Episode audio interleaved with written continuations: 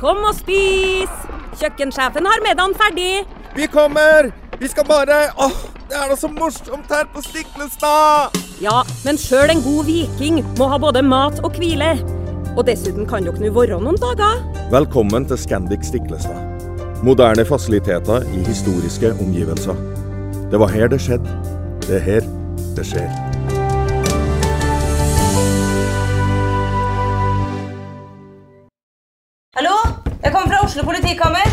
Ine Jansen er purk. Er du purk? The motherfucking bitch. Alt jeg vil, er å finne ut hva som skjedde med mannen min. Jon Carew. Er jeg sikta for noe? Iben Akeli. Det er du.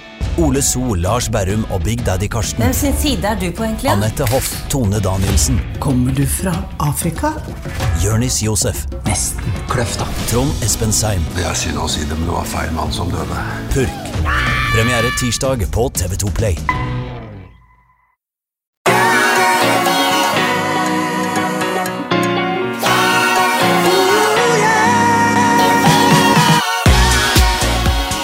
Velkommen til podkasten Hjernesterk. I dag har vi Anders Sætre og Geir Riise her. Ole Petter, til å snakke om eh, dette med sykefravær særlig. Det er veldig interessant. Hvorfor er sykefravær så høyt i Norge? Er vi så syke?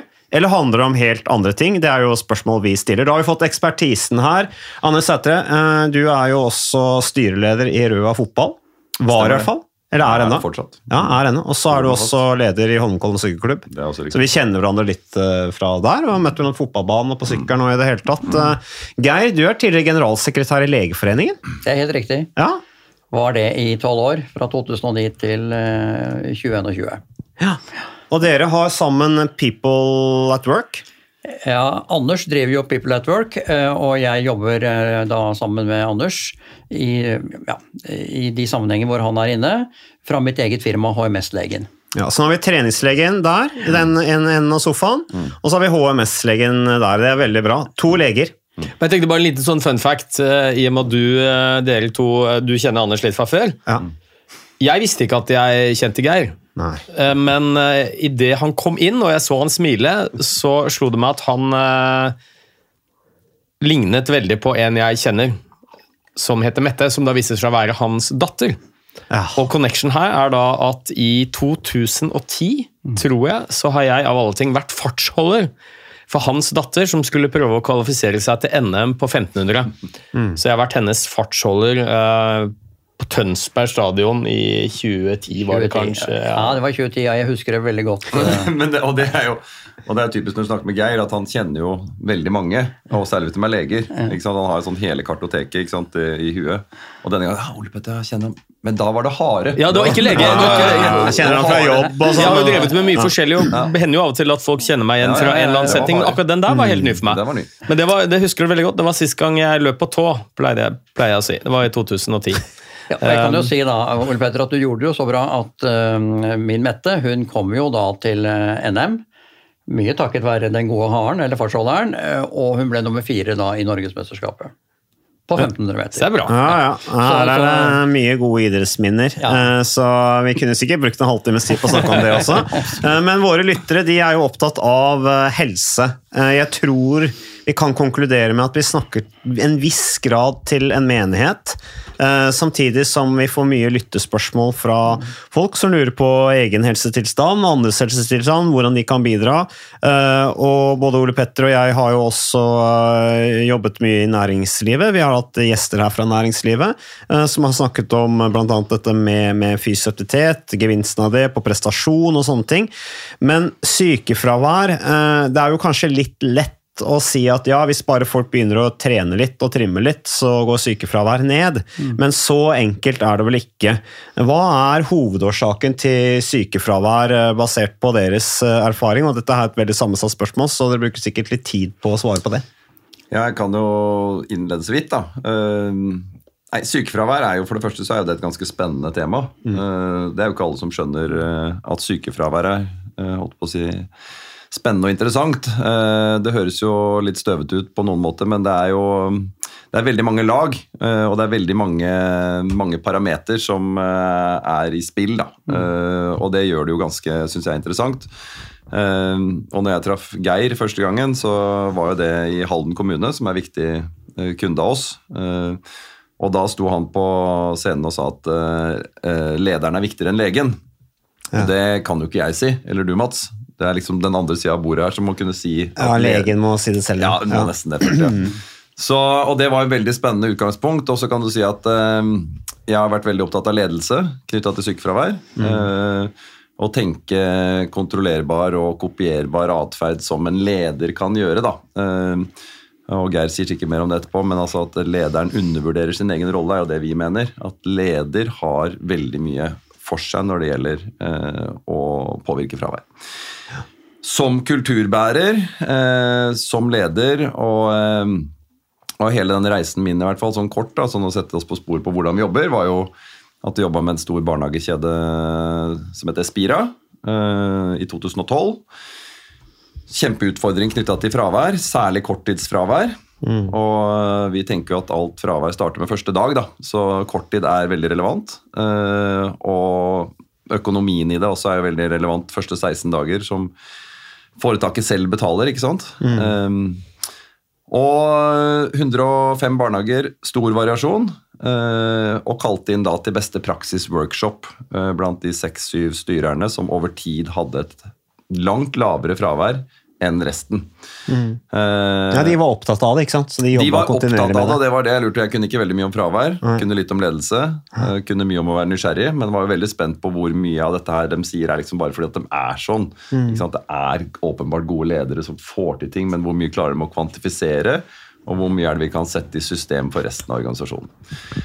Og så viste det seg at de var krystallklare på veldig mange ting. Eh, Det var ikke tilfeldig på noen som helst måte, sånn som jeg tenkte etter jeg gikk ut fra workshopen, at de hadde det fraværet de hadde superinspirerende, for den så at her var det veldig mange ting som andre ledere også egentlig kunne bare ta direkte eh, og ta med seg og skape gjennomføring på. Eh, så er jo det å skape gjennomføring en, kan jo være lett og vanskelig. Eh, men når vi da begynte å skape gjennomføring på de aktivitetene som de beste lederne gjorde, så sank fraværet med 20% ganske raskt. Så det ble en sånn suksesshistorie for oss. Eh, og så har det egentlig gått derfra, da. Men, Ja, eh, så- men utgangspunktet har heller vært eh, det som tankesett. Tenk beste praksis, og tenk de, de lederne som lykkes, gjør det. Ja, så når da de lederne eh, begynte å gjøre mer av det som de andre lederne gjorde, så gikk sykefraværet ned. Så når de, Det er jo helt utrolig da hvordan man internt i et lag bare kan lære av hverandre. Mm. Og så er mye løst. eh, Men det sitter langt inne likevel for mange, har jeg inntrykk av, å lære av hverandre. Ja. øh, og det som er det spesielle med sykefravær, det er jo at hvis man ikke har en kultur for hvordan man håndterer nærvær i egen virksomhet, av betydningen av at jeg er på jobb, at jeg er en del av det laget som på en måte er i, virksomheten, at, at det er legen som skal bestemme alene, sammen med meg, hvordan dette skal håndteres, så mister man jo en god del av de mekanismene som er viktige i virksomhet for å kunne klare å jobbe med, med, med tilrettelegging, da, eller det å finne ut hvordan man kan utøve den funksjonsevnen på en bedre måte som den enkelte har.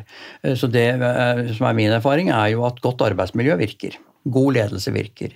Jeg har vært inne i virksomheter eh, gjennom mitt liv som bedriftslege, for det er mye det jeg har vært, hvor sykefraværet har vært oppe i 20-25% på en enhet, og så kommer det ny ledelse og en helt ny måte å samarbeide mellom ledelse og ansatte på, og plutselig så er sykefraværet nede i 3-4 Eh, Så, så det, vi- det vi ikke må gjøre, det er jo å individualisere sykefraværet til et spørsmål om bare meg. Altså Dette dreier seg veldig mye om hvordan vi sammen kan håndtere ting, eh, ting bedre. Og så er jo en gang livet slik at noen ganger har man masse energi og futt og kraft, andre ganger i livet har man ikke det. Slik at livet det er jo på en måte en sånn sinuskurve som går litt opp og ned, og da er det jo utrolig eh, fint å kunne ha en arbeidsplass hvor man kan dele på ens egen sårbarhet, i trygghet eh, for at dette blir håndtert på en god måte, at man har kolleger som bryr seg, at man har ledelse som bryr seg, og i sum at man da kan få lov til å være det hele mennesket på jobb. Fremfor å være eh, hva skal jeg si, mye eh, borte fra, fra jobb og kanskje bli sittende igjen alene med sine, sine egne problemer. Fordi Mesteparten av sykefravær i Norge skyldes jo forhold som man ikke dør av. Eh, Det skyldes veldig mye det man selv sliter med som menneske. Og jeg tror jo at delt eh, smerte blir bare halve smerten. eh, Delt glede blir dobbel glede. Så dette dreier seg om interaksjon mellom mennesker. Mer enn om eh, hva legen skal gjøre i forhold til, eh, til Nav, eller hva Nav skal gjøre i forhold til legen. Uh, hvis jeg kan føye til en ting til. Dette har på en måte vært noe som vi har prøvd å jobbe med eh, helt siden Mats Sandman-utvalget uh, var der for ca. Ja, 20-22 år siden. Da satt jeg i Mats Sandman-utvalget, som la grunnlaget uh, for den nye avtalen om et inkluderende arbeidsliv. Og den dreide seg jo nettopp om hva den arbeidsgiver kan gjøre sammen med arbeidstaker, mer enn hva legen kan gjøre i forhold til det vi den gangen kalte for Rikstrygdeverket. Mm. Så sykefravær er spennende fordi det kan påvirkes. Eh, og det er ikke skjebnebestemt eh, at en virksomhet som har hatt høyt sykefravær, behøver å ha høyt sykefravær fremover. Det er enkle grep. Men stikkordet er at man må bry seg. Man må bry seg om hverandre, og dette er et lederansvar. Hvis ikke lederen tar et ansvar i disse spørsmålene, så dukker ikke dette opp som en gudgitt nådegave. Mm. Dette, dette må virksomhet ta kontroll over selv. Uh, bare tenkte litt når du snakka nå, Geir, at uh, uh, hvis det er sykemeldinger, da, så går man jo til Nav, eller man kontakter Nav. Jeg vet ikke hvordan det foregår i praksis engang, for jeg har aldri vært sykemeldt. Men, men, så går man til Nav, så må man støtte, og så, og så er det masse ordninger med Nav. Men burde ikke da Nav sagt at oi, her var det mye sykefravær, her må vi gå inn i organisasjonen og se hvordan dere jobber og hvordan det ledes? Jo, gjør de det? og det gjør de nok til en viss grad gjennom det som heter arbeidslivssenteret. da. Eh, blant annet som eh, i hvert fall de fleste kommuner har knytta til seg, eller ikke alle kommuner mm. har et arbeidslivssenter knytta til seg, altså Nav arbeidslivssenter. Men det som jeg syns, og det som jeg tenker, er jo at uh, veldig mange som prater om sykefravær, begynner å gå der hvor du er nå, og da er vi egentlig passert uh, 14 dager. ikke sant? Altså Da er vi over i en, uh, en sykemelding. en langtidssykemelding. Og, og, der føler jeg at det er ganske gode rutiner egentlig, og strukturer med dette kan du bedre enn meg, Geir, mm. men med dialogmøte 1, dialogmøte 2, møte med Nav. altså Her går liksom takta eh, på det første året eh, før, før, du er over på arbeidsavklaringspenger. da. Eh, men nøkkelen ligger på de første 16 eh, dagene, eller altså de første, den første perioden. Eh, og tenke at alt fravær starter med første dag. Så jeg vil ha deg på jobb, eh, og kommer du ikke på jobb i dag, så lurer jeg på om du kommer på jobb i morgen. Eh, og får vi ikke noe klar eh, svar på det, så må vi snakkes i morgen om du kommer på, dag, på jobb igjen dagen etterpå. Du må være utrolig da, det som vi kaller tett på. Så vi har liksom hek, hekta opp det begrepet tett på. Uh, tett på lederskap som en sånn veldig veldig viktig sak. Mm. Ikke la de bare være sykemeldt? Ikke la de være sykemeldt. Nei. Og dette her finnes det jo masse masse statistikk på, at når du går over en visst antall uker, så er sjansen også for at du i det hele tatt kommer mm. tilbake, uh, den blir bare mindre og mindre. Så man må være tidlig på, og man må være tett på. Mm. Ja, og det er et veldig viktig altså det, er, det, er, det er de to t-ene, vil jeg si. Altså Det er tidlig på, og så er det å tenke eh, tilrettelegging eh, tidsnok. Altså mens man fortsatt har troen på seg selv. Ikke sant? Altså jeg pleier å si Den viktigste årsaken til fravær er det suprasnippale syndrom. Supra betyr over, og snippalt betyr snippen. Altså Hvis jeg i mitt hode tror at jeg ikke kan, hvis mine kolleger tror at jeg ikke kan. Hvis min samboer, ektefelle, også tror at jeg ikke kan, og kanskje også leder, så kan jeg ikke. Altså Poenget er at du må jobbe med dette tidlig. Mm. Eh, og jo flere som på en måte kan være med på å understøtte at dette er viktig, jo lettere blir det også å kunne vise sårbarhet. Jeg er veldig opptatt av at det skal være lov å vise sårbarhet. Det er helt nødvendig å vise sårbarhet. Mm. For hvis du ikke klarer å vise eh, sårbarhet, eller det ikke er lov å vise sårbarhet, og at man ikke skal finne gode løsninger på det i virksomhet i fellesskap, ja, så unnviker man også den gode oppfølging. Så den gode oppfølgingen eh, består jo i at vi er mennesker, og noen ganger har vi det veldig bra, andre ganger har vi det ikke fullt så bra, men poenget er bare at da må ikke svaret være at du da skal ut av virksomhet og være borte for kortere eller lengre tid. Og veldig ofte så blir det jo for lang tid for mange, fordi at man ikke i tilstrekkelig grad da klarer å finne gode løsninger sammen. Mm. Hadde, du hatt, hadde, du hatt, driftsproblemer med IT-systemene dine, så hadde man jo satt seg ned og prøvd å finne løsninger på hvordan IT-systemene skal fungere. og Det er egentlig akkurat den samme tankegangen som dette dreier seg om. Eh, det som er legens viktigste oppgave, tenker jeg, det er å fortelle når er det farlig å være på arbeid? Eller hva er det du kan være på arbeid med? Altså, Legen må på en måte bestemme om døra skal være åpen eller ikke mot arbeidsplass i forhold til det du plages med. Og i stor grad, det er min erfaring, at døra mot arbeidsplass kan være åpen så lenge det er en interesse og et engasjement i arbeidsplass for å finne løsning. Mm. Og Det er det som skiller de gode virksomhetene fra de dårlige virksomhetene. Når dere sier tett på eller tidlig på, snakker vi da øh, når øh, den ansatte blir sykemeldt? For jeg, jeg tenker vel kanskje at det er litt som i medisinens verden. Vi er veldig opptatt av å stille diagnoser tidlig. Vi screener for forskjellige sykdommer. Vi skal prøve å stille diagnosen tidlig og sette i gang med behandling. Men det er jo enda mer effektivt å forebygge og, og gjøre tiltak før du faktisk blir sykemeldt, eller eller blir syk for den saks skyld. Så har vi jo noe som heter sykenærvær også, som kanskje ikke er så lett å kvantifisere som sykefravær. Men det at man eh, kanskje ikke presterer eller får ting til ordentlig på jobben, bl.a. fordi man kan ha dårlig fysisk eller mental helse. Jobber dere mye med det òg? Det Ja. forebyggende aspektet, og hvordan man kan unngå at de ansatte faktisk blir sykemeldte? Altså, vi gjør jo egentlig ikke det, fordi vi jobber jo gjennom leder. Ikke sant? Altså, jeg holdt på å si gjør veldig lite. jeg gjør en del. Men, eh, men det handler egentlig om å trekke ut det eh, essensen i det eh, de gode lederne i større organisasjoner gjør. da. Og så ser vi at det er ofte generisk, sånn at i forrige organisasjon vi var i, så er det ganske mange av de samme tingene. Eh, Men, eh, men det er absolutt mulighet for å selvfølgelig å, å få lederne til å jobbe med forebyggende aktiviteter. Altså, og det hører du ofte fra, fra ledere, at, eh, at de gjør en del ting. De går tur istedenfor å ha sittende møter. De har fritidsaktiviteter på kvelden for å skape kultur rundt det. De, de gjør en masse sånn helsebringende ting, men da er det lederne som gjør det. og så og så må det være da rollemodeller i den organisasjonen som kan si at dette er smart. ikke sant? Jeg har en god kunde i Vy, Kristin Flagstad, og hun sier at eh, den største hinderet for endring er 'not invented by us'. og Det er sikkert ikke sikkert andre som har sagt det før henne, men det tror jeg veldig på. Altså Hvis du liksom skal komme med ting helt utafra, du har mye mer leverage hvis du klarer å få eh, bruke rollemodellene. Så, men det som jeg fikk meg til å tanke, tenke på, er at dette her som har vært mye diskuss...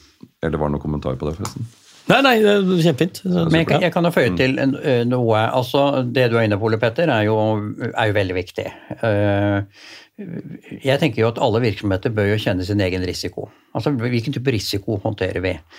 Det kan jo være Altså I en kjemisk bedrift så er det veldig klart at der er en del kjemisk helsefare, det er støy og en del eh, annen type problematikk.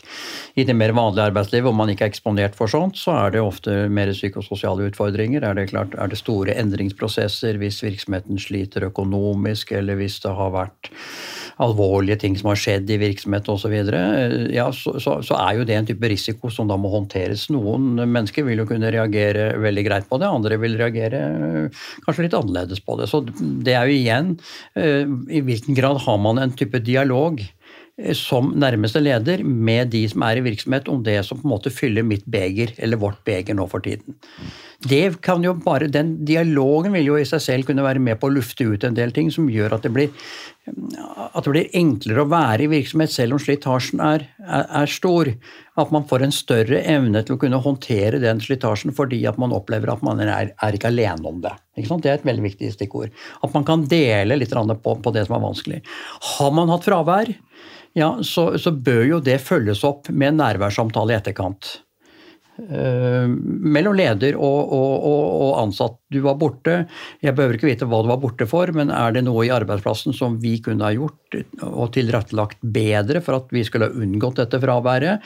Er det noe vi kan gjøre bedre nå, sammen med deg, eh, for at det ikke blir et nytt fravær? Altså, poenget er dialogen er jo, vil jeg si, kanskje det, det verktøyet som brukes i for liten grad. Altså, ledere som har relasjonell kompetanse, erfaring, interesse, vil jo i stor grad kunne klare å ventilere mange av disse tingene gjennom bare sitt, sitt uh, engasjement.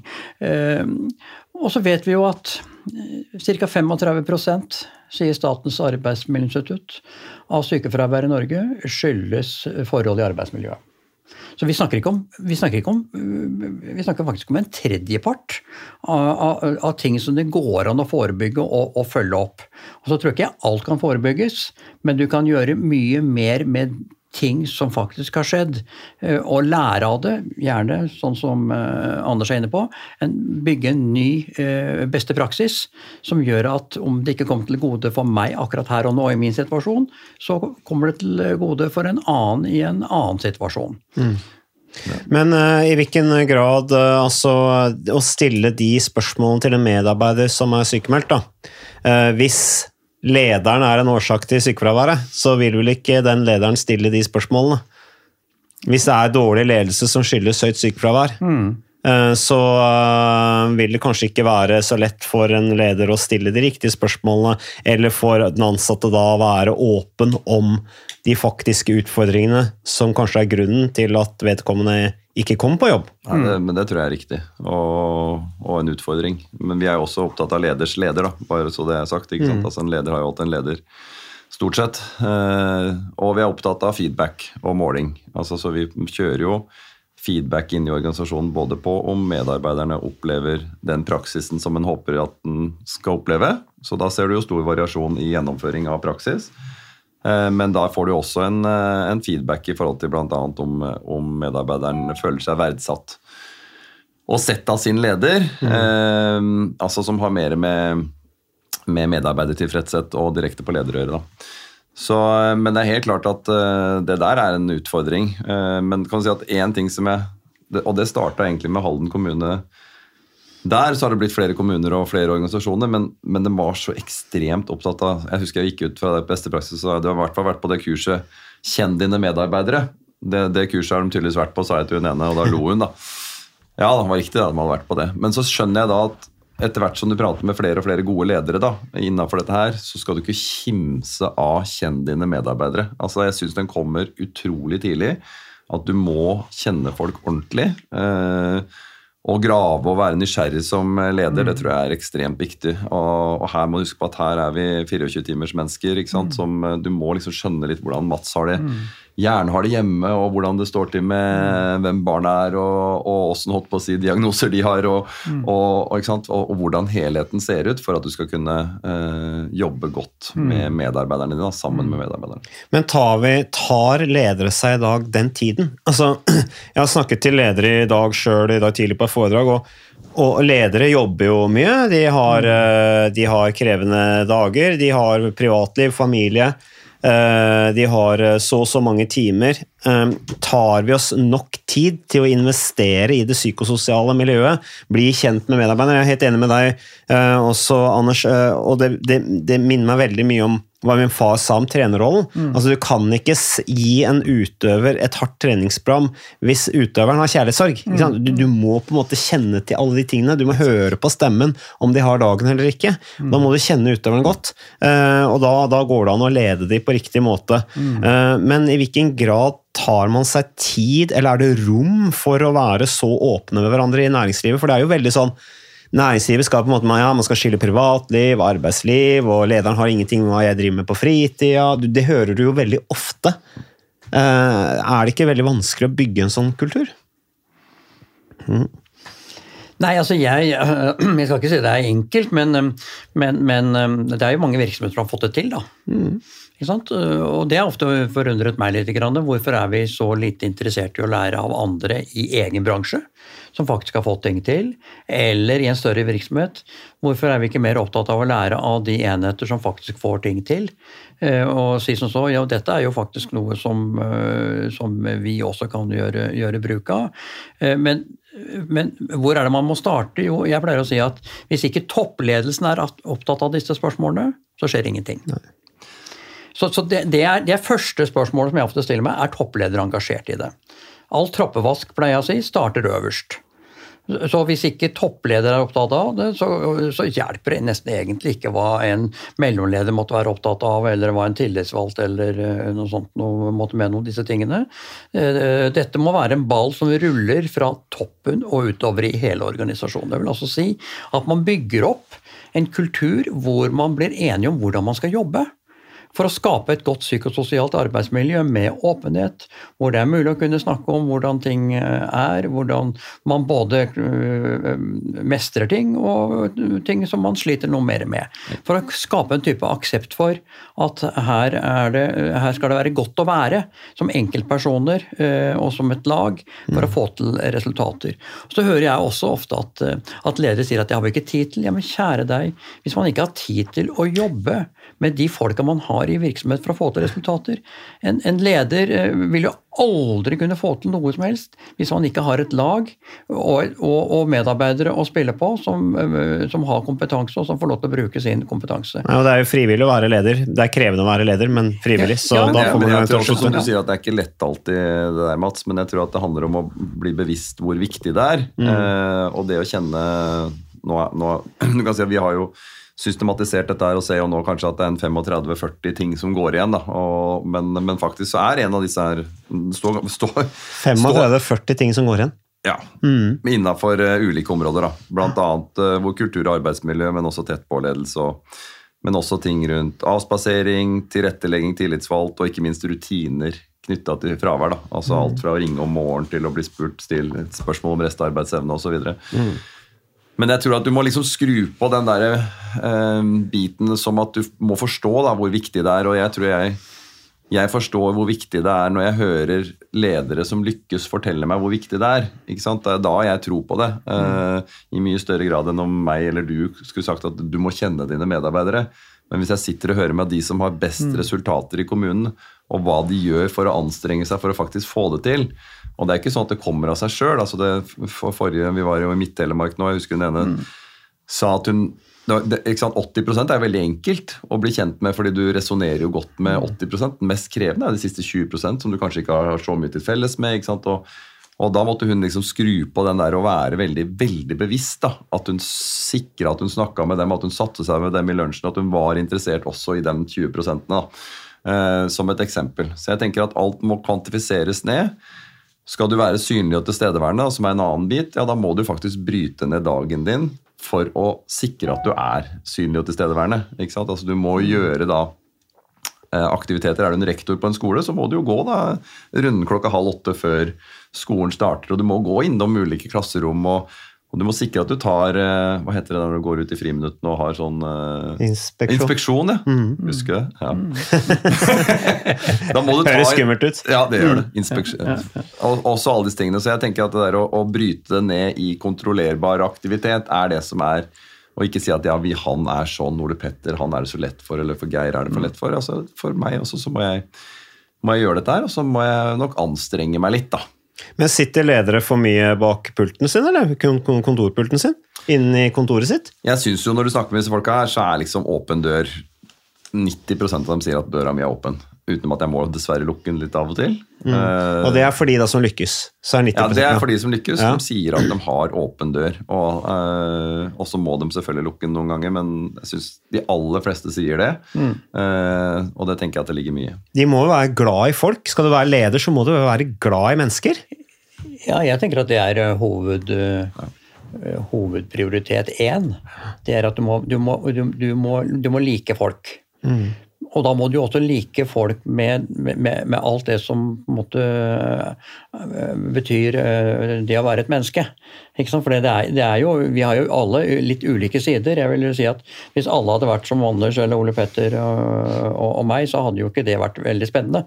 Altså Vi har jo, vi har, vi har jo ulike sider, og det gjelder jo på måte, mange måter å, å få utnyttet de uh, ulike sidene til uh, hva skal jeg si, virksomhetens beste. Eh, Mm. Så det å ha godt kjennskap til sine egne ansatte er jo en veldig viktig bit. Eh, Jeg tenkte bare skulle føye til at, at ja, Nå snakker vi om sykefravær. Eh, Det interessante med sykefravær er jo at de som håndterer sykefravær i virksomhet, de håndterer jo stort sett det andre også. Jeg har jobbet i, i store virksomheter med, med, disse spørsmålene, og det interessante er jo at de, altså de enhetene innenfor denne ene virksomheten som jeg nå sikter til, der hvor man da klarte å håndtere sykefraværet, ja, der klarte man også å håndtere kvaliteten. Der klarte man å håndtere kundebehandlingen, der klarte man også å håndtere eh, økonomien. Så det er liksom ikke slik at, at du liksom er kjempegod unnskyld, bare på én ting, men, men disse tingene øh, på en måte smitter over. Ja, men da har du jo mange flere som er på jobb òg, da. Oftere. Så blir jo, da blir jo belastningen på de som faktisk er på jobb, lavere òg. Sånn at da blir det jo selvfølgelig, da er, du, da er du ikke på etterskudd på samme måte som du, har hvis, som du er hvis du har mange som er borte fra jobb. Ja, og må, Derfor så må man, ikke sant, derfor henger disse tingene sammen. Da må ja. man også snakke om dette på en annen måte. Man må ikke bare snakke om prosenter som går opp og ned. Men f.eks. da kan man si ja, i, i, i år er vi 20 mennesker flere på jobb enn det vi var på samme tidspunkt eh, i fjor. Ikke bare i denne dagen her, men hver dag denne uka, hele 365 dager i året, er vi 20 flere personer på jobb. Hvis man da f.eks. hadde et, et, sykefravær på, uh, på, på 10 i en, i en virksomhet med, med, med 200 ansatte, mm. og man klarte å få den teoretisk sett ned til null. Altså Man må snakke om dette på en annen måte, som gjør at man ser at tilstedeværelse av kompetanse betyr noe også, ikke bare for den enkelte, men det betyr noe for hele laget. Mm. Og, og, Det er derfor dette spørsmålet er større enn bare et individuelt spørsmål om jeg er syk eller frisk. Jeg pleier å si at en som er 100% frisk, er jo for dårlig undersøkt av egen fastlege. Altså, Vi alle sliter med et eller annet. Ja, Men helse handler jo om å fungere best mulig tross for. Er ikke det god helse? Jo, jo, jo. Men helse er jo ikke bare en diagnose. Ole Petter snakket litt om noen diagnoser i sted. Ja, altså vi har uh, ca. 15 millioner diagnoser i Norge. På fem og en halv. Såpass mange? Ja, Ca. tre diagnoser per person. Ikke sant? Og diagnose sier jo ingenting om nødvendigvis utfall av, av fravær eller ikke fordi man har, har diagnosen. Uh, hvis jeg kan bare ta en, et, et, eksempel. Da jeg satt i Samhandleutvalget for over 20 år siden, så gjorde svenskene en undersøkelse uh, som jeg syntes var veldig interessant. For de gjorde en undersøkelse uh, på sykefravær blant svenske diabetikere. Og så så man da på hvordan var sykefravær blant svenske diabetikere sammenlignet med sykefravær i hele den svenske befolkningen. Da viste det seg jo at svenske diabetikere hadde et lavere sykefravær som gruppe enn resten av befolkningen. Altså Hvis man håndterer da diabetes som en risikofaktor for, for øket fravær isolert sett som et faktum knyttet opp på én person til en hel gruppe, så kommer man helt galt ut. Mm. Så jeg er lite opptatt av diagnoser. Jeg er mye mer opptatt av hva man kan, hva man kan få til. Eh, og så blir det viktig, naturligvis, for å gi riktig medisinsk behandling, så er det viktig med en diagnose. Men det er jo ikke dermed sagt at det har et si, direkte overføringsverdi i forhold til hva man kan gjøre på jobb eller ikke. Og Det er på en måte det vi prøver å, å, å, si, at det er mer komplekst, mer sammensatt enn det. Mye kan man faktisk få til i egen virksomhet gjennom måten man samhandler på, og hvordan man er ledet og organisert, og hvordan man eh, samarbeider med tillitsvalgte. Ja, jeg, har en liten refleksjon først, og så et spørsmål. Ja. Mest til deg, Geir. Ja. Um, refleksjonen er jo at uh, som lege så er det jo vi som sykemelder pasientene. Selvfølgelig. Og det er jo ikke Nav som sykemelder, det er det jo vi som gjør. Og det at man har uh, en utfordring på arbeidsplassen, det er jo ikke noe diagnose, og det er jo ikke noe som gir rett til sykepenger. Mm. Sånn at uh, de gangene det er pasienter vi sykemelder, som kanskje har et vanskelig arbeidsforhold, så er det jo fordi at det vanskelige arbeidsforholdet gir eh, symptomer eller en diagnose. Mm. Fysisk eller mentalt. Men jeg opplever veldig ofte at en del pasienter er kanskje ikke helt klar over det sjøl. De kommer med vondter. Mm. Vondt i ryggen, mm. søvnproblemer. og så blir vi legene veldig fokuserte på ja, du har vondt i ryggen. Ja, Hva Er det muskulært? Er det et mm. skiveprolaps? Hva kan vi gjøre for dette? Mm. Og Så glemmer vi kanskje å spørre om hvordan har du det Hvordan har du det på jobb, hvordan har du det privat. Mm. At veldig mange av disse det er klart, Hvis du har vanskelig, vanskeligheter på jobb, så blir jo Det må jo forkles i anførselstegn som eh, et symptom eller en mm. sykdom for at du mm. skal få sykepenger. Mm. Så kanskje kan det tenke seg at det tallet som du nevnte, som eh, var jo skyhøyt, var det ikke over 30 av, 35 35 av alle langtidssykemeldinger? Er det det? Eller av alle sykemeldinger i Syke-. Skyldes forhold på arbeidsplassen? Skyldes forhold på arbeidsplassen, Ja, ja At det kanskje tallet er enda høyere? At det er en del plager som faktisk pasienten ikke engang kanskje sjøl kobler mot at det er trøblete på arbeidsplassen? Nei, og Det er en viktig refleksjon, og de 35% er jo da fra Statens arbeidsmiljøinstitutt, bare for å gi en referanse til det. Jeg vil jo si at eh, jeg tror ikke det tallet er høyt, eller for høyt. Jeg jeg vil kanskje si, ut fra min erfaring, at mange ganger kan det være mer opp mot 50% altså det er jo, at da dreier det seg om forhold i arbeidsplassen som, som bidrar til at jeg er blitt syk, eller det kan være Ukas annonsør det er eh, HelloFresh. Og eh, hvis du nå går inn på hellofresh.no og bruker koden 'fresh hjerne', så kan du få opptil 1779 kroner rabatt på da de fem første matkassene dine hvis du ikke har prøvd HelloFresh enda. Og Ole Petter, vi er jo glad i HelloFresh i podkasten Hjernesterk, eh, selvfølgelig fordi at de er en annonsør. De er med og bidrar til å spre det glade ordet om fysisk aktivitet og god helse. Men i tillegg så har jo vi også nå lang erfaring med HelloFresh Fresh selv. Så vi må jo si at det har vært gode erfaringer til nå. Ja, absolutt. Visste du, Mats, at HelloFresh det er faktisk verdens ledende matkasseleverandør? Og tilbudene til HelloFresh gjør det enkelt å lage gode og varierte retter som skaper matglede. Og matglede vet du, det er like viktig som hva du putter i munnen. Det å spise mat med folk du trives med. Så gjennom 25 nye og inspirerende retter hver uke så bidrar HelloFresh til dette. Du kan bestille ekstra porsjoner om du får gjester, eller hoppe over uke hvis du f.eks. skal bort. Og Det er ingen bindingstid, og du velger leveringstidspunkt og dag selv, så leverer HelloFresh matkassen din akkurat når det passer deg. Ikke dårlig, Mats.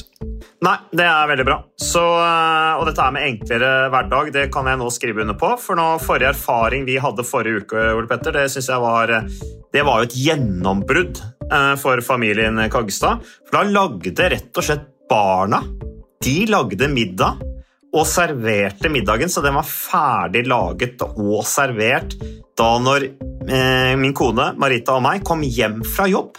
Og jeg mener Det var jo bare helt utrolig. Eh, Det var helt fantastisk. Det ble en nydelig middag. Riktignok de, de, de, de roter og søler litt, det gjør de. Så, men, men maten ble veldig god. De var veldig stolte over å kunne ha både laget og servert maten, så det var helt fantastisk. Så vi har jo da i det siste så har vi eh, spist eh, bl.a. sitron- og dillstekt hyse med ovnsbakte grønnsaker og aioli. Eh, Vi har spist middelhavsinspirert kylling. Taco, så finnes det mange ulike typer taco. F.eks. vietnamesisk taco, som vi har spist. Thailandsk vegetargryte. Veldig riktig og sunt eh, i dagens eh, samfunn med, med fokus på bærekraft. Hvitløk og chilistekte reker i spagetti, det var definitivt en vinner. Så det er så flott. Du får rimelig mat ved at du kun betaler for det du trenger, så det blir ordentlig feststemning med HelloFresh. Det gjør det, og nå er det bare for deg å gå inn på hellofresh.no og bruk koden FRESH hjerne'. Da får du opptil 1779 kroner rabatt på de første fem matkassene dine, hvis du ikke allerede har prøvd HelloFresh. Du kan også bruke rabattkoden hvis du har stoppet abonnementet ditt for tolv måneder siden eller mer. Er det noe å lure på? Håper maten smaker godt. Bon appétit! Forhold på arbeidsplassen som bidrar til at det er vanskelig å komme tilbake med de helseproblemene jeg har. Eh, En av de tingene som er viktig som lege, og lege sitter jo ofte i en, i en dilemma her, ikke sant? fordi legen har en taushetsplikt osv. Det er ikke slik at legen bare kan gå til arbeidsgiver og, og si at jeg har funnet eh, det og det. Det har ikke legen eh, mulighet til. Men det legen naturligvis kan, kan stille spørsmål om, det er hvordan er det på arbeidsplassen din? Er det ting her som, som det hadde vært en, eh, en fordel å kunne snakket med arbeidsgiver om? Har man en bedriftshelsetjeneste på, den, på din arbeidsplass? Er det noe du har kunnet tatt opp med, med, med, bedriftshelsetjenesten for å se om det var mulig å finne gode løsninger? Eh, Har du et godt tillitsmannsapparat? Eh, Er dette noe du kunne snakket med de tillitsvalgte om? Altså prøve å, å bredde bredde eh, laget rundt den enkelte for muligheten til å kunne ta, ta dette opp. Eh, eh, og så er det å være sykemeldt lege, det vet du, både du og jeg, Ole Petter, er ikke enkelt. Fordi at du må forholde deg til det som eh, personen kommer med der og da. Og det som personen kommer med der og da, er jo sant, fordi dette er jo sånn som det oppleves. Men da må man kanskje være med på å stille spørsmålene på en litt vidgad måte, da, som svenskene ville ha sagt. Ja, jeg har et spørsmål, og det er kanskje mest til deg, Geir, men det henger, henger litt eh, åpent også. Eh, og det første spørsmålet er er det, er det for lett å, få, å bli sykemeldt i Norge? Jeg, jeg hører jo veldig ofte at pasientene nå også, i det offentlige rom, kanskje politikere som har vært gjennom noe store medieskandaler osv., så, videre, så sier de at ja, jeg skal til legen for å sykemelde meg. Mm. Altså, det høres jo nesten ut som man sykemelder seg sjøl. Mm. Jeg kan gå til legen og bestille en sykemelding. Mm. Er det for lett å bli sykemeldt? Um, og er vi leger gode nok til å, å se på hvilke muligheter som finnes, hva man faktisk kan gjøre? Eller er vi mer opptatt av hva man ikke kan få til? Og så blir det ofte 100% sykemeldt kanskje i en situasjon hvor det er ganske mye man kunne gjort, og som sannsynligvis også ville vært bra for helsa. Jeg tror Geir, Eh, Geir kan, du kan svare på om det er for lett, da. Ja, Eh, ja. Så tror jeg vi har uh, det, det som jeg vet, i hvert fall, altså vi som er opptatt av noe som plinger her, men det spiller ikke noen rolle. Uh, vi som er opptatt av variasjon, eh, og jeg syns at det er veldig interessant blant igjen fastleger å, å angripe problemstillinga for å se på variasjon. For eksempel, et eksempel du drar ut, uh, Geir, om dagen, er jo forhold til dette her med sykemelding knytta til uh, korsryggsmerter. ikke sant? Og Det var jo en artikkel i Aftenposten rundt det. Og så viser det seg at variasjonen i sykemeldingsdager på korsryggsmerter er fra 9 til jeg tror 105 eller 103 dager. 103 dager. 103 dager. Mm. Og det er litt sånn ikke sant, og indirekte svar på spørsmålet ditt. Da. Uh, og, det som, og det er ekstremt krevende å være lege i dag. Og jeg misunner ingen som er fastlege i dag, for å være helt ærlig, ut fra den hverdagen som jeg hører de beskriver. Mm. Eh, men det er helt klart at eh, at de må gjøre Det kan du supplere på litt som pasienten, eh, pasienten sier. Men, men jeg tror at poenget er at man tenker sykemelding. Og vi har snakka masse om sykemeldinger. Men noe av nøkkelen her ligger jo i forhold til det som handler om egenmeldingsdager. Og jeg må jo si at jeg syns jo, når jeg hørte om IA-avtalen, som hadde 24 egenmeldingsdager? At du kan, du kan eh, sykemelde deg 24 dager uten en eneste noe som helst fra lege. Eh, inntil 24 dager. Og den, da tenkte jeg at nå er jo verden i ferd med å bli helt sprø. Altså, Kan dette være riktig? Ja, for du mener det er for lett? Jeg mener at det er for lett, fordi Mm. jeg er oppvokst i Asker og hadde kompiser som dro tredagers eh, både her og der. Tredagers er jo eh, sant, et begrep som er kjent. da, Ta en tredagers. Og så plutselig så blir det en, eh, nærmest en Nå var det vel ikke flere enn åtte dager på rad, og det er noe mer, men i hvert fall i løpet av et år så er det hele 24 dager. da. Mm. 24 dagers. Er lenge bort fra jobb. Ja, og så tenkte jeg at dette her, men så, og Nå har jo IA-avtalen blitt utvida, så dette gjelder jo da faktisk alle, i hvert fall kommuner og Mm. offentlige virksomheter, at de har 24 dager. Mm. Men etter å ha jobba med dette en periode, da, så tenker jeg at det er jo, sånn som jeg ser det, muligheten. Altså, fordi det du ser, og det som ledere klager over mot leger, da, eh, er jo at hvis de først ender hos en lege eh, og går til legen eh, og sykemelder seg, så blir ofte den sykemeldingen lenger enn hadde vært eh, nødvendig. Den går ikke til en torsdag, den går til mandagen.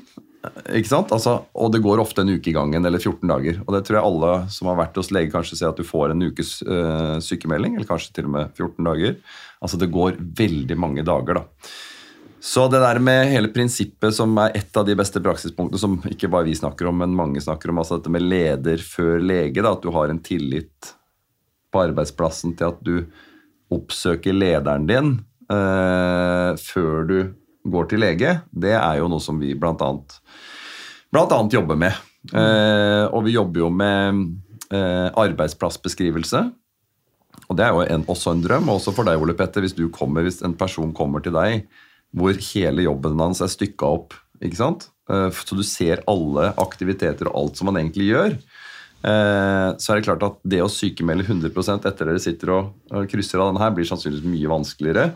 Fordi du ser at det er en hel rekke ting denne personen sannsynligvis fortsatt kan gjøre. Og det er jo nøkkelen. ikke sant? Å holde dem i arbeidslivet, holde dem på arbeidsplassen, selv med redusert eh, redusert eh, funksjonsevne. Men jeg tenker på, hvis en eh, Anders, du sier at her er det om å gjøre å på en måte unng, være på før medarbeideren går til legen, da. For hvis de går til legen og får den sykemeldinga, i hvilken grad kan man da eh, følge opp den ansatte og kanskje da eh, gi et inntrykk at du vil overprøve det legen har anbefalt. Vil ikke det være en krevende øvelse for en leder å si liksom, ja, jeg hører legen sier at du skal sykemelde deg i to uker, men kunne du kanskje allikevel prøvd å komme på jobb i morgen? Da er det for seint. Ikke sant? Ja. For da er det på en måte vet, da, da, Ja, da- Leger har monopol på, på, på sannheten der. Ja, altså i hvert fall så blir det slik at det blir, det blir, det blir en vanskeligere start, da, for å, for å si det sånn. Ehm, jeg har veldig tro på egenmeldinger, bare for å ha sagt det, eh, som Anders er inne på. Hvorfor har jeg tro på egenmelding? Jo, fordi at da vil en arbeidstaker som opplever at man har et eller annet problem, eh, kunne ta det opp med sin egen arbeidsgiver og snakke litt om denne situasjonen. Eh, Altså, du får dialogen mye mer på arbeidsplass enn at du får en dialog på legekontoret. Altså, Hvis du skal kunne løse et, et, et problem som er knyttet opp til, til et arbeidsplass, så er det åpenbart at det er bedre å gjøre det uten filter på arbeidsplass eh, enn et helt annet sted, i dette tilfellet på legekontoret. Så Det er liksom den ene, ene biten av det. Det andre er jo at man kan jo i større grad bruke f.eks. gradert sykemelding. Ikke sant? Altså, det brukes jo mye 100 sykemelding. Eh, Og hvis vi nå sier at eh, det er ingen av oss som er helt, eh, helt uten skader og lyter og, og, og plager det er litt, det er, altså Livet er jo på mange måter å lære seg til å leve med ulike grader av, av plager. altså Av og til så blir plagene så store at det er vanskelig å klare å få det til i forhold til vanlig arbeid. Da er du liksom i en, i en litt annen situasjon. Men det som er viktig, det er jo at man får da denne dialogen eh, tidligere. Da. Altså, la oss si at legen stilte spørsmålet har du tatt dette opp med din arbeidsplass. Det er én måte å stille spørsmålet på. Eh, har du ikke tatt det opp med din arbeidsplass, så vil jeg kanskje foreslå at du tar det opp med din arbeidsplass. Det som du nå kommer til meg med som et problem. Kom tilbake til meg om 14 dager. Så får jeg høre hva slags reaksjoner man har, du har fått på arbeidsplassen når du har luftet det som du nå opplever er vanskelig. Mm. Har du tatt det opp med f.eks. bedriftshelsetjenesten på jobb? Eh, Hva vi her kan gjøre for å, å klare å tenke et alternativ til at du skal være eh, 100 borte over, over, over lengre tid. Og så spille på en del av de hva skal jeg si, gode virkemidlene som tross alt finnes da, eh, innenfor arbeidslivet. For vi er jo veldig privilegerte i Norge. Vi har et, et veldig godt organisert arbeidsliv. Jeg kjenner ikke til mange land i verden som har et bedre organisert arbeidsliv enn det vi har i Norge. Altså Hvor du har parter uh, som er med på og tar et ansvar for å, altså arbeidstakersiden, som er med på sammen med arbeidsgiversiden å utvikle arbeidsplassen på, på en god måte. Eh, Så Hovedutfordringen, slik som Anders og jeg ser det, det er jo at, at ikke den eneste løsningen på sykefravær blir at dette blir et spørsmål mellom lege og den ansatte. Vi ønsker å bredde dette ut og si jo dette er faktisk et spørsmål som angår flere enn bare meg selv. Dette er et spørsmål som angår også den virksomheten som jeg jobber i. Og her har vi gode muligheter til å kunne finne løsninger som er et godt alternativ også for meg som, som person, fremfor det å gå eh, 100 sykemeldt hjemme og borte, eh, til å kunne komme tilbake i arbeid med tilrettelagte oppgaver, med forståelse for hvordan dette kan gjøres i et, i et godt fellesskap mellom, mellom arbeidsplass og, og, og meg. Eh, Er det noe jeg har lært som lege, så er jo veien til det lykkelige liv er jo ikke å få lov til å ikke være i aktivitet. Veien til et lykkelig liv er faktisk at du får lov til å være i aktivitet eh, med mestring i bunn og med en tilhørighet. Og alt dette har jo en, en arbeidsplass som bryr seg om sine ansatte. Men uh, angående det der med å gå til legen, altså en ekstern eh, lege, da, fordi fastlegen f.eks. du går ut av kontoret, reiser til legekontoret. Uh, de bedriftene som har lavt sykefravær, i hvilken grad har de en, en inhouse lege, bedriftshelsetjeneste, som er tett på og mye til stede? For det, når vi snakker sammen her nå, så har jeg inntrykk av at liksom, hvis du har en lege på arbeidsplassen, så vil det kanskje være eh, eh, lettere, eller så vil det kanskje være mindre sjanse for at du blir sykemeldt, enn hvis du går til fastlegen din utenfor arbeidsplassen. Er det noe i det, eller? eh? Ja, altså, det man i hvert fall kan si, da, det er at for en lege å ha god kunnskap om den virksomheten som vedkommende jobber i, er alltid en stor fordel. Altså Ikke bare hvilken bransje det er, men faktisk også hva man holder på med. Ha kunnskap eh, kanskje også litt om hvordan denne kulturen på denne virksomheten er, hvordan man jobber sammen, hvordan man får til resultater. Altså Det å ha den kunnskapen som, som lege er en utrolig ressurs i forhold til å, å tenke om sykefravær borte fra arbeidsplass er den eneste muligheten, enn om man kan finne andre muligheter enn å være 100% borte fra, fra arbeidsplass. Det er min erfaring. Jeg var jo bedriftslege ja, før jeg gikk over i ulike typer helselederstillinger i, i 20 år. eh, Og vet jo ut fra egen erfaring hvor, hvor viktig det har vært å, ha, å være en lege som har god kunnskap om, om den virksomheten som man da satt og håndterte eh, forholdet inn i. Ja, bare før du sier noe, Petter. Eh, bare sånn, I mitt perspektiv som idrettsmann, da, som har vært eh, profesjonell syklist i et fransk sykkellag eh, alle, alle profesjonelle sykkellag har med seg en lege. eh, til, til Tour de France eller til store sykkelløp. Og Det er jo nettopp for, at, for å holde utøveren på jobb. Eh, ikke sant? Det er jo ikke for å sende de hjem. Når de velter, lappe de sammen, passe på at de får rensa sårene, sende de av gårde. Eh, har de feber, eh, behandle det sånn at de kanskje kan starte dagen. Hvor sunt det er, det kan man diskutere. Passe på at de får i seg riktig mat, eh, veie de, ta fettprosenten deres, ta blodtrykket deres. altså Passe på de da, sånn at de kan fungere best mulig i jobb.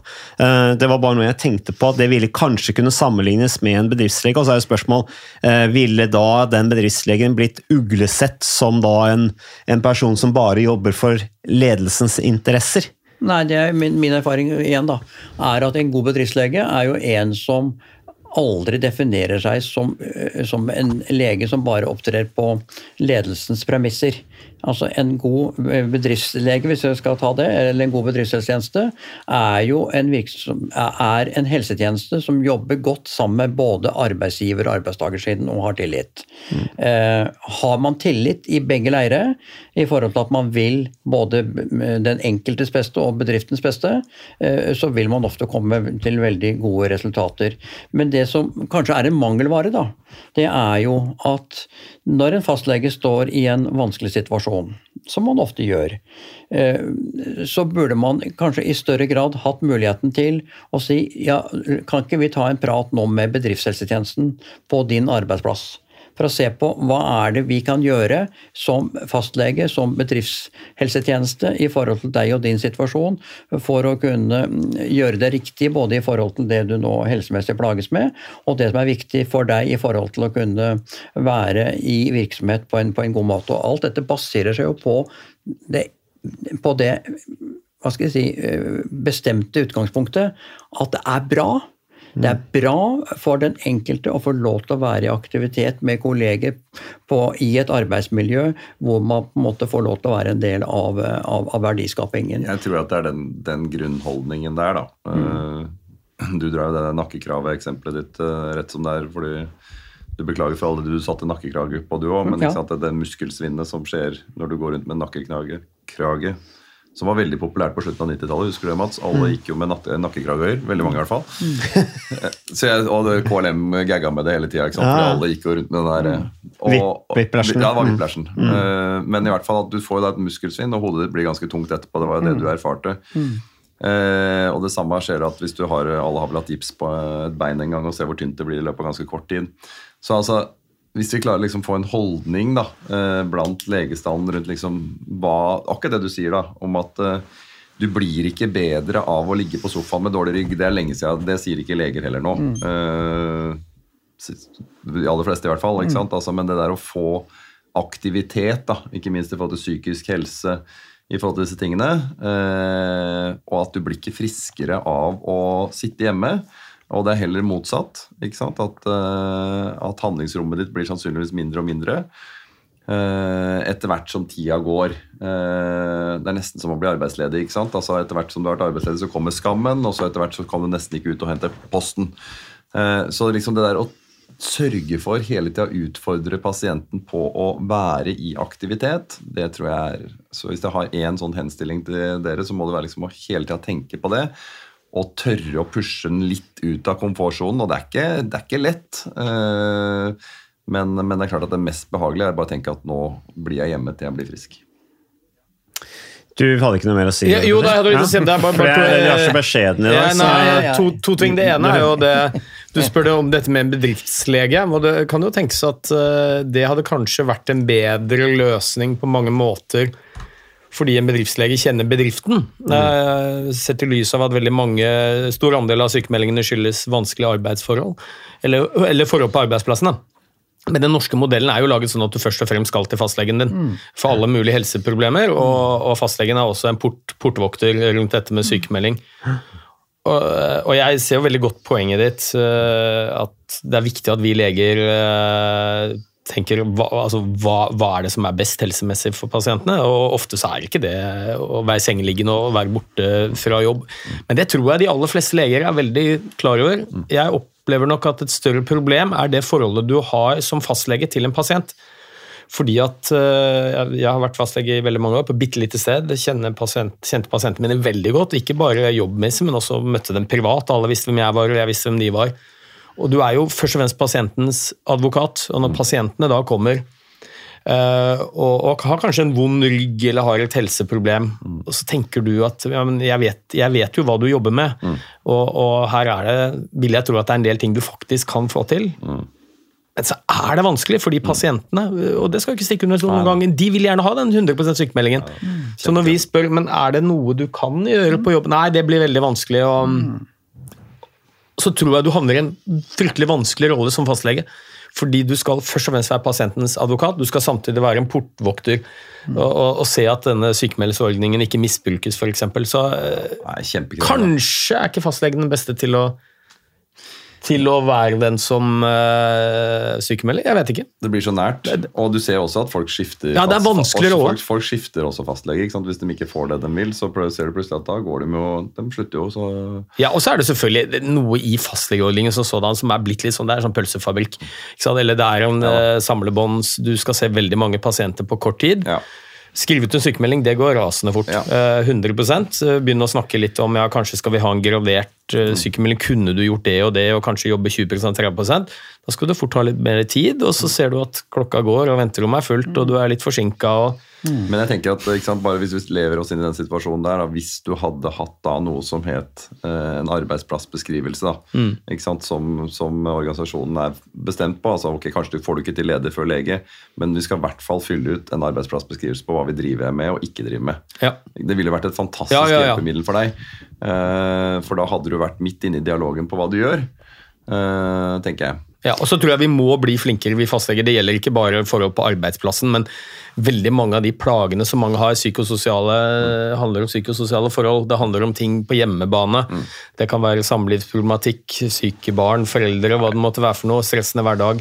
Eh, Det er vanskeligheter på jobben. Vi er ikke så gode til å spørre om det. Vi spør om uh, vondt i ryggen, ja, stråler sant? og så slår du reflekser, og så så er vi ikke gode nok å spørre, men hvordan har du det egentlig? Hvordan har du det hjemme, hvordan har du det på jobb? Der tror jeg mange av disse plagene som, eh, som vi har altså Vi rasjonaliserer det og, og blir veldig fokusert på plagen i seg sjøl, og så glemmer vi å se hva som ligger bak. For det er jo der løsningen ligger. Og jeg- Løsningen er ikke å sykemelde for vondt i ryggen hvis- hvis du sliter med noe på hjemmebane eller eh, Og jeg prater med så mye kloke ledere, og en bare sånn kommentar til det. Og her var jo et, eh, i Arendal et beste praksisintervju nå blant rektorer. Fantastisk flinke folk, men som hun sier at hun ene at, at uh, jobben er jo det eneste du kan sykemelde deg fra. Mm. Og det også er et sånt viktig perspektiv. ikke sant? Altså Det er jo det du sier her. Det eneste du kan sykemelde deg fra jobben, men folk er i alle kanaler. ikke sant? Det blir mer og mer ambisiøse. På toppen av det hele skulle ta en tilleggsutdanning med tre små barn osv. osv. Er det Mm. tida for det nå? Altså Skal du ta en tilleggsutdanning nå? Mm. Du er 36 år, du har tre barn, du har en krevende jobb, og så skal du ikke sant? Den dialogen, da. Ja, bare kommentar. Ja, nei, Da bør jo kanskje lederen si da, til sin ansatte er det kanskje tida å gjøre det nå. Du har tre barn, da må du kanskje kjenne vedkommende godt da, og gi de, de anbefalingene. og Det skjønner jeg jo er veldig vanskelig å skulle gjøre. Men eh, Geir, du hadde noe på hjertet? Nei, det- altså, det var litt rannet til dette med, med, med, med leger osv. Altså, jeg tenker at det vi sitter og snakker om her nå, vil jo kunne gjøre også arbeidshverdagen for fastlegen også enklere. Altså At det finnes noen verktøy mm, i virksomhet som faktisk eh, i stor grad kan virke. Eh, at, det, at, du ikke er alene som fastlege med å liksom skulle sitte med hele eh, dette spørsmålet alene, men at det faktisk finnes noen som du kan spille på. Mm. Jeg, jeg, har jo selv følt på når jeg var lege, og ikke minst altså min kontakt med mange, mange leger opp gjennom årene, går jo på at man føler at man blir sittende i en tvangsmessig situasjon hvor man opplever at man har få å spille på. Og Det er jo litt det vi sitter og snakker om her nå. Det, dette spørsmålet er er større enn en hva den enkelte lege kan ordne opp i. Det er jo litt det som vi sitter og snakker om. Ikke bare større, men ofte også annerledes enn det som bare den enkelte lege kan, kan, kan ordne opp i. Samtidig så har legen den rollen legen har. Og jeg tenker at det er ikke noe bedre ordning eh, som jeg kjenner til, enn den ordning vi har i dag. Altså, Sykemelding er jo knyttet opp som en del av den medisinske behandlingen, og det er jo i utgangspunktet ingen andre som kan gjøre en bedre vurdering på det enn den enkelte lege. Men det er bare det at man må jo vite litt om hva som man mister hvis man ikke har de gode mekanismene i virksomhet å, å spille på. Jeg tror det er, det er, tre forhold som er avgjørende for et godt arbeidsliv. Uh, og det er uh, i tre bokstaver. Uh, det er et MMT. Det ene er jo at hvis du opplever at den jobben du holder på med, har mening, at du får lov til å være en del av en, en litt større himmel enn bare den, den, det, det som angår deg selv. At den jobben også øh, mestrer du.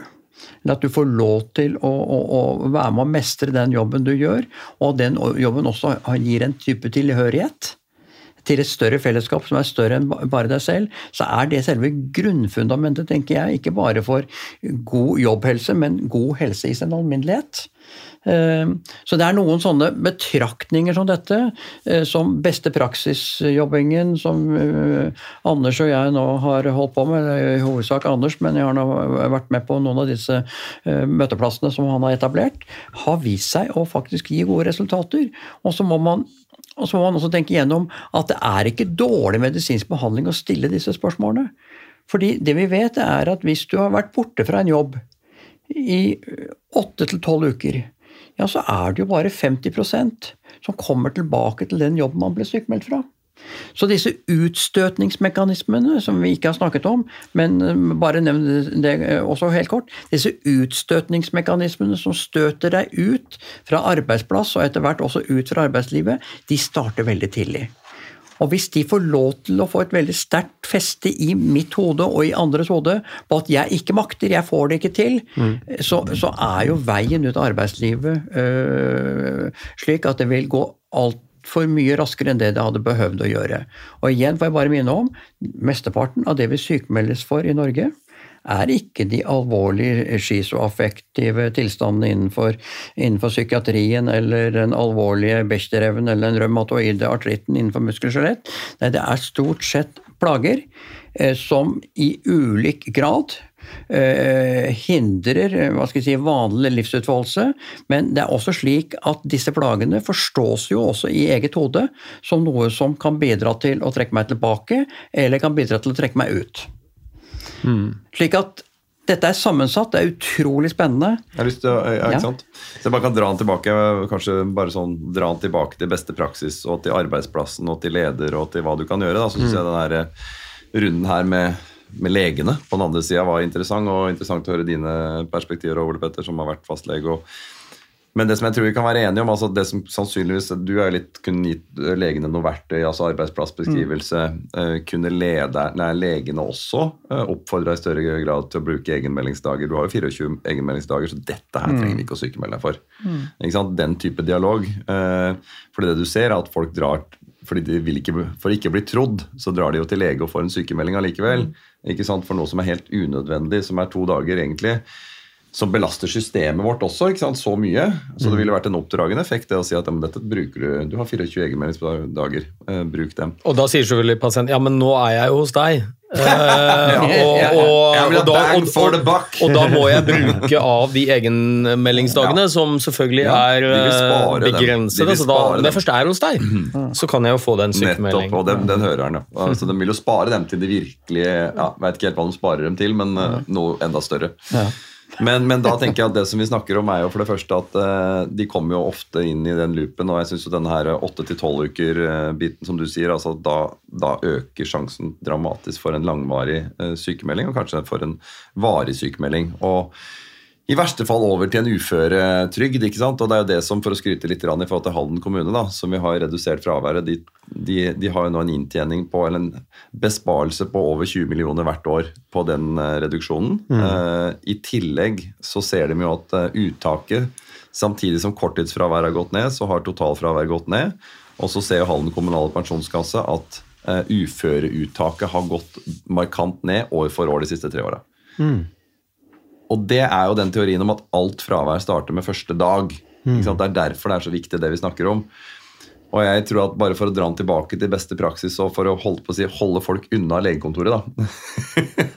Eh, Fordi å prøve å løse mest mulig på arbeidsplass, da må du gjøre en del ting. Ikke sant? Og da, da tror jeg det viktigste med kultur og arbeidsmiljø ikke sant? På sånn, sånn gjør vi det hos oss, jeg synes jeg er den enkleste definisjonen på kultur. Det er sånn vi gjør det hos oss. Og det å jobbe med disse mekanismene da, ikke sant? da, da kommer beste praksispunkt som å bl.a. snakke åpent eh, om arbeidsmiljøet, ikke sant? om hvordan vi har det. Eh, åpent om at det er lov til å være syk. Kanskje åpent om at eh, ingen her er 100% friske eller 100 syke. ikke sant? Eh, men du ser jo enorm forskjell på disse arbeidsmiljøene om folk kommer på tross av. Og særlig det som gjør at folk kommer på jobb, er jo, har jeg lært i hvert fall, like mye pga. kollegaene. Altså Jeg vet at Mats blir stående med en jævlig tung dag hvis ikke jeg kommer. Ikke sant? Så jeg kommer. Og Derfor så ser du jo at uh, sikkert en, eh, en holdt på å si en uh, floskel, men altså rett nedi gata her så ligger uh, Nationaltheatret. Du kan jo se på sykefraværet der. Det er ikke sykefravær, ikke sant? fordi de må være til stede. Eh, for hvis ikke så detter ting fullstendig rundt dem. Og sånn er det litt, grann, altså. Så jeg tror at det der å, å, å forankre ting i gruppa, og der kommer disse her tingene rundt ringe om morgenen, ikke sant? som kan jo høres hardt ut at du må ringe meg. Og så kommer jeg til å stille deg noen spørsmål. Ikke sant, Ole Petter? Eh, kan du komme deler av dagen? Kan du komme mot slutten? Ikke sant? Altså For å høre litt. Grann. Eh, og det har jeg hørt så mange si, at eh, etter den praten ja, så kommer de kanskje kommer etter lunsj og er med og stenger, da, hvis dette er en barnehage. De trenger noen, da, noen timer på morgenen, liksom, men, men så kommer de. Og kanskje da har du definerte ting rundt restarbeidsevne som kanskje kan være alternative ting. Som hun ene som jeg aldri glemmer å si, at det er utrolig mange kroner som skal limes i en barnehage. Det er mye bursdager i barnehage, hvis man har Mm. barn der akkurat. Folk har bursdag hele tida. sant? Det er masse kroner, det er mange sånn backoffice-oppgaver som kan gjøres, selv om du ikke er 100% Og det er det på de aller fleste arbeidsplasser. da. Men jeg tror det dette må forankres i gruppa, og jeg tror det må repeteres. Dette er ikke noe bare du har i en eller annen personalhåndbok ikke sant, hvor det står at du må ringe nærmeste leder. Folk må forstå hvorfor du gjør det. Og det beste eksempelet som jeg aldri glemmer, var den ene gruppa som jeg var inne i. altså Der hadde de Ok, de skal ringe, det var de enige i, men da kommer det fra en av de ansatte at jeg syns vi skal eh, stå opp og ta en dusj. Eh, og litt frokost før vi ringer. Ikke sant? Altså, du ikke ringer fra puta. Ikke sant? Altså, Mm. At du ikke sjekker formen med en gang du sperrer opp øynene, men at du faktisk går og tar en dusj før vi ringer. Da har du kommet ekstremt langt med arbeidsmiljøet ditt. Mm, Og hvis jeg bare kan si, eh, Du nevnte Halden.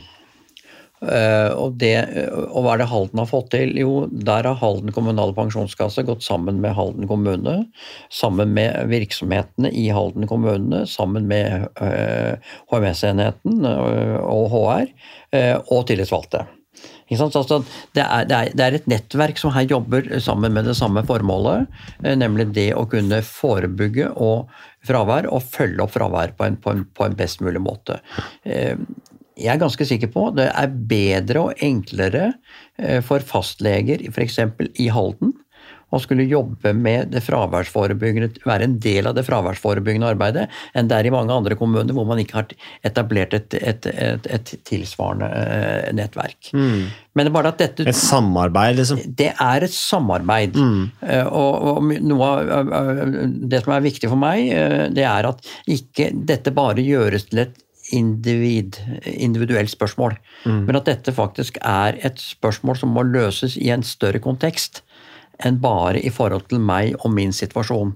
Eh, For det er en del strukturer som bidrar til at du får de utfall som du får. Det sier seg jo selv når du har eh, virksomheter med 20-25 eh, fravær. Så dreier det seg ikke bare om en enkeltperson, det dreier seg om hvordan man klarer å jobbe og håndtere ting godt sammen. Og så er det jo det å få rutiner.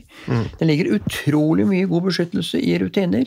Fordi mye sånn sykefraværsforebyggende arbeid, hvis det bare praktiseres av og til, så får man jo et inntrykk av at jo, dette gjør du jo bare fordi at du skal ta meg. Nettopp. Ikke sant? Eh, Og derfor så må dette her inn i det de kaller fredstid. da, ikke sant? Dette Yes. må du... Det gjelder alle. Alle Ja, stiller likt. alle, og du må ta det mens det Mm. fraværet er, fordi det er veldig vanskelig når du først har begynt å rulle. ikke sant? Ja. Det er satt i system. satt i system. og og vi det- gjør det for deg. ikke sant? Ja. Jeg vil ha folka på jobb. Ja. Det er kjempeviktig. Og det er jo, ikke sant, også Istedenfor å si at ja, men er, det, er det krevende da å skulle stille det spørsmålet, er det noe annet du kan gjøre osv.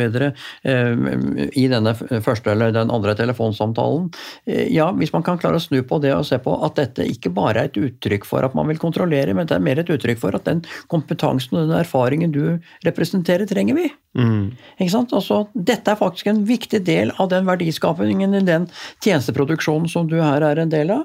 Vi trenger deg fordi du er en viktig person på dette laget. Ja. Ja, eh, Det er en annen måte å snu det på. Da vil jo mange tenke at jo, du verden, eh, det betyr noe det jeg holder på med. og Det er litt tilbake til det jeg snakket om, med mening, mestring og tilhørighet.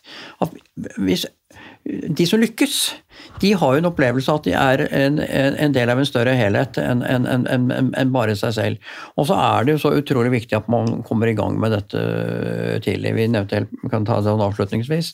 Dette med eh, har du vondt i, eh, vondt i ryggen, f.eks. med nisja, så du ikke har belastet venstre eller høyre ben i løpet av fire til seks uker, ja, så kan man jo måle at du har fem til seks centimeter mindre muskelmasse i låret. Og det er jo også noe av det som er, er krevende her. At ved at du blir fritatt fra å være med på noe, så mister du noe som faktisk kanskje kan være viktig for deg å kunne klare å komme tilbake og, og, og bidra til på en god måte, ikke minst for deg selv og, og for dine omgivelser og for den virksomheten som du er en del av. tenker det var uh, siste ord, Geir Risse. Anders Sætre, tusen takk for at dere kom. People at work. Dere er mye bra betraktninger. Vi kunne- sikkert snakka et par timer til, eh, men nå har vi holdt på en times tid. Syns det var supert. Tusen takk for å bli invitert. Ja, Ja, takk for å ble invitert. Veldig hyggelig. Veldig eh, spennende å høre på. Eh, Det er utfordrende, selvfølgelig, det dere driver med, eh, men det er veldig viktig. Takk, Ole Petter, også. Eh, Og så er vi tilbake med mer podkasten Jernsterk neste uke.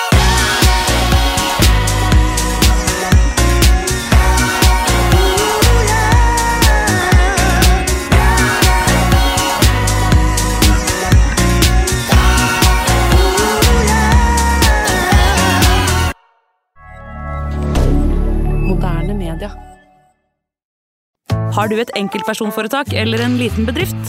Da er du sikkert lei av å høre meg snakke om hvor enkelt det er med kvitteringer og bilag i fiken, så vi eh, gir oss her, vi. Fordi vi liker enkelt. Fiken superenkelt regnskap.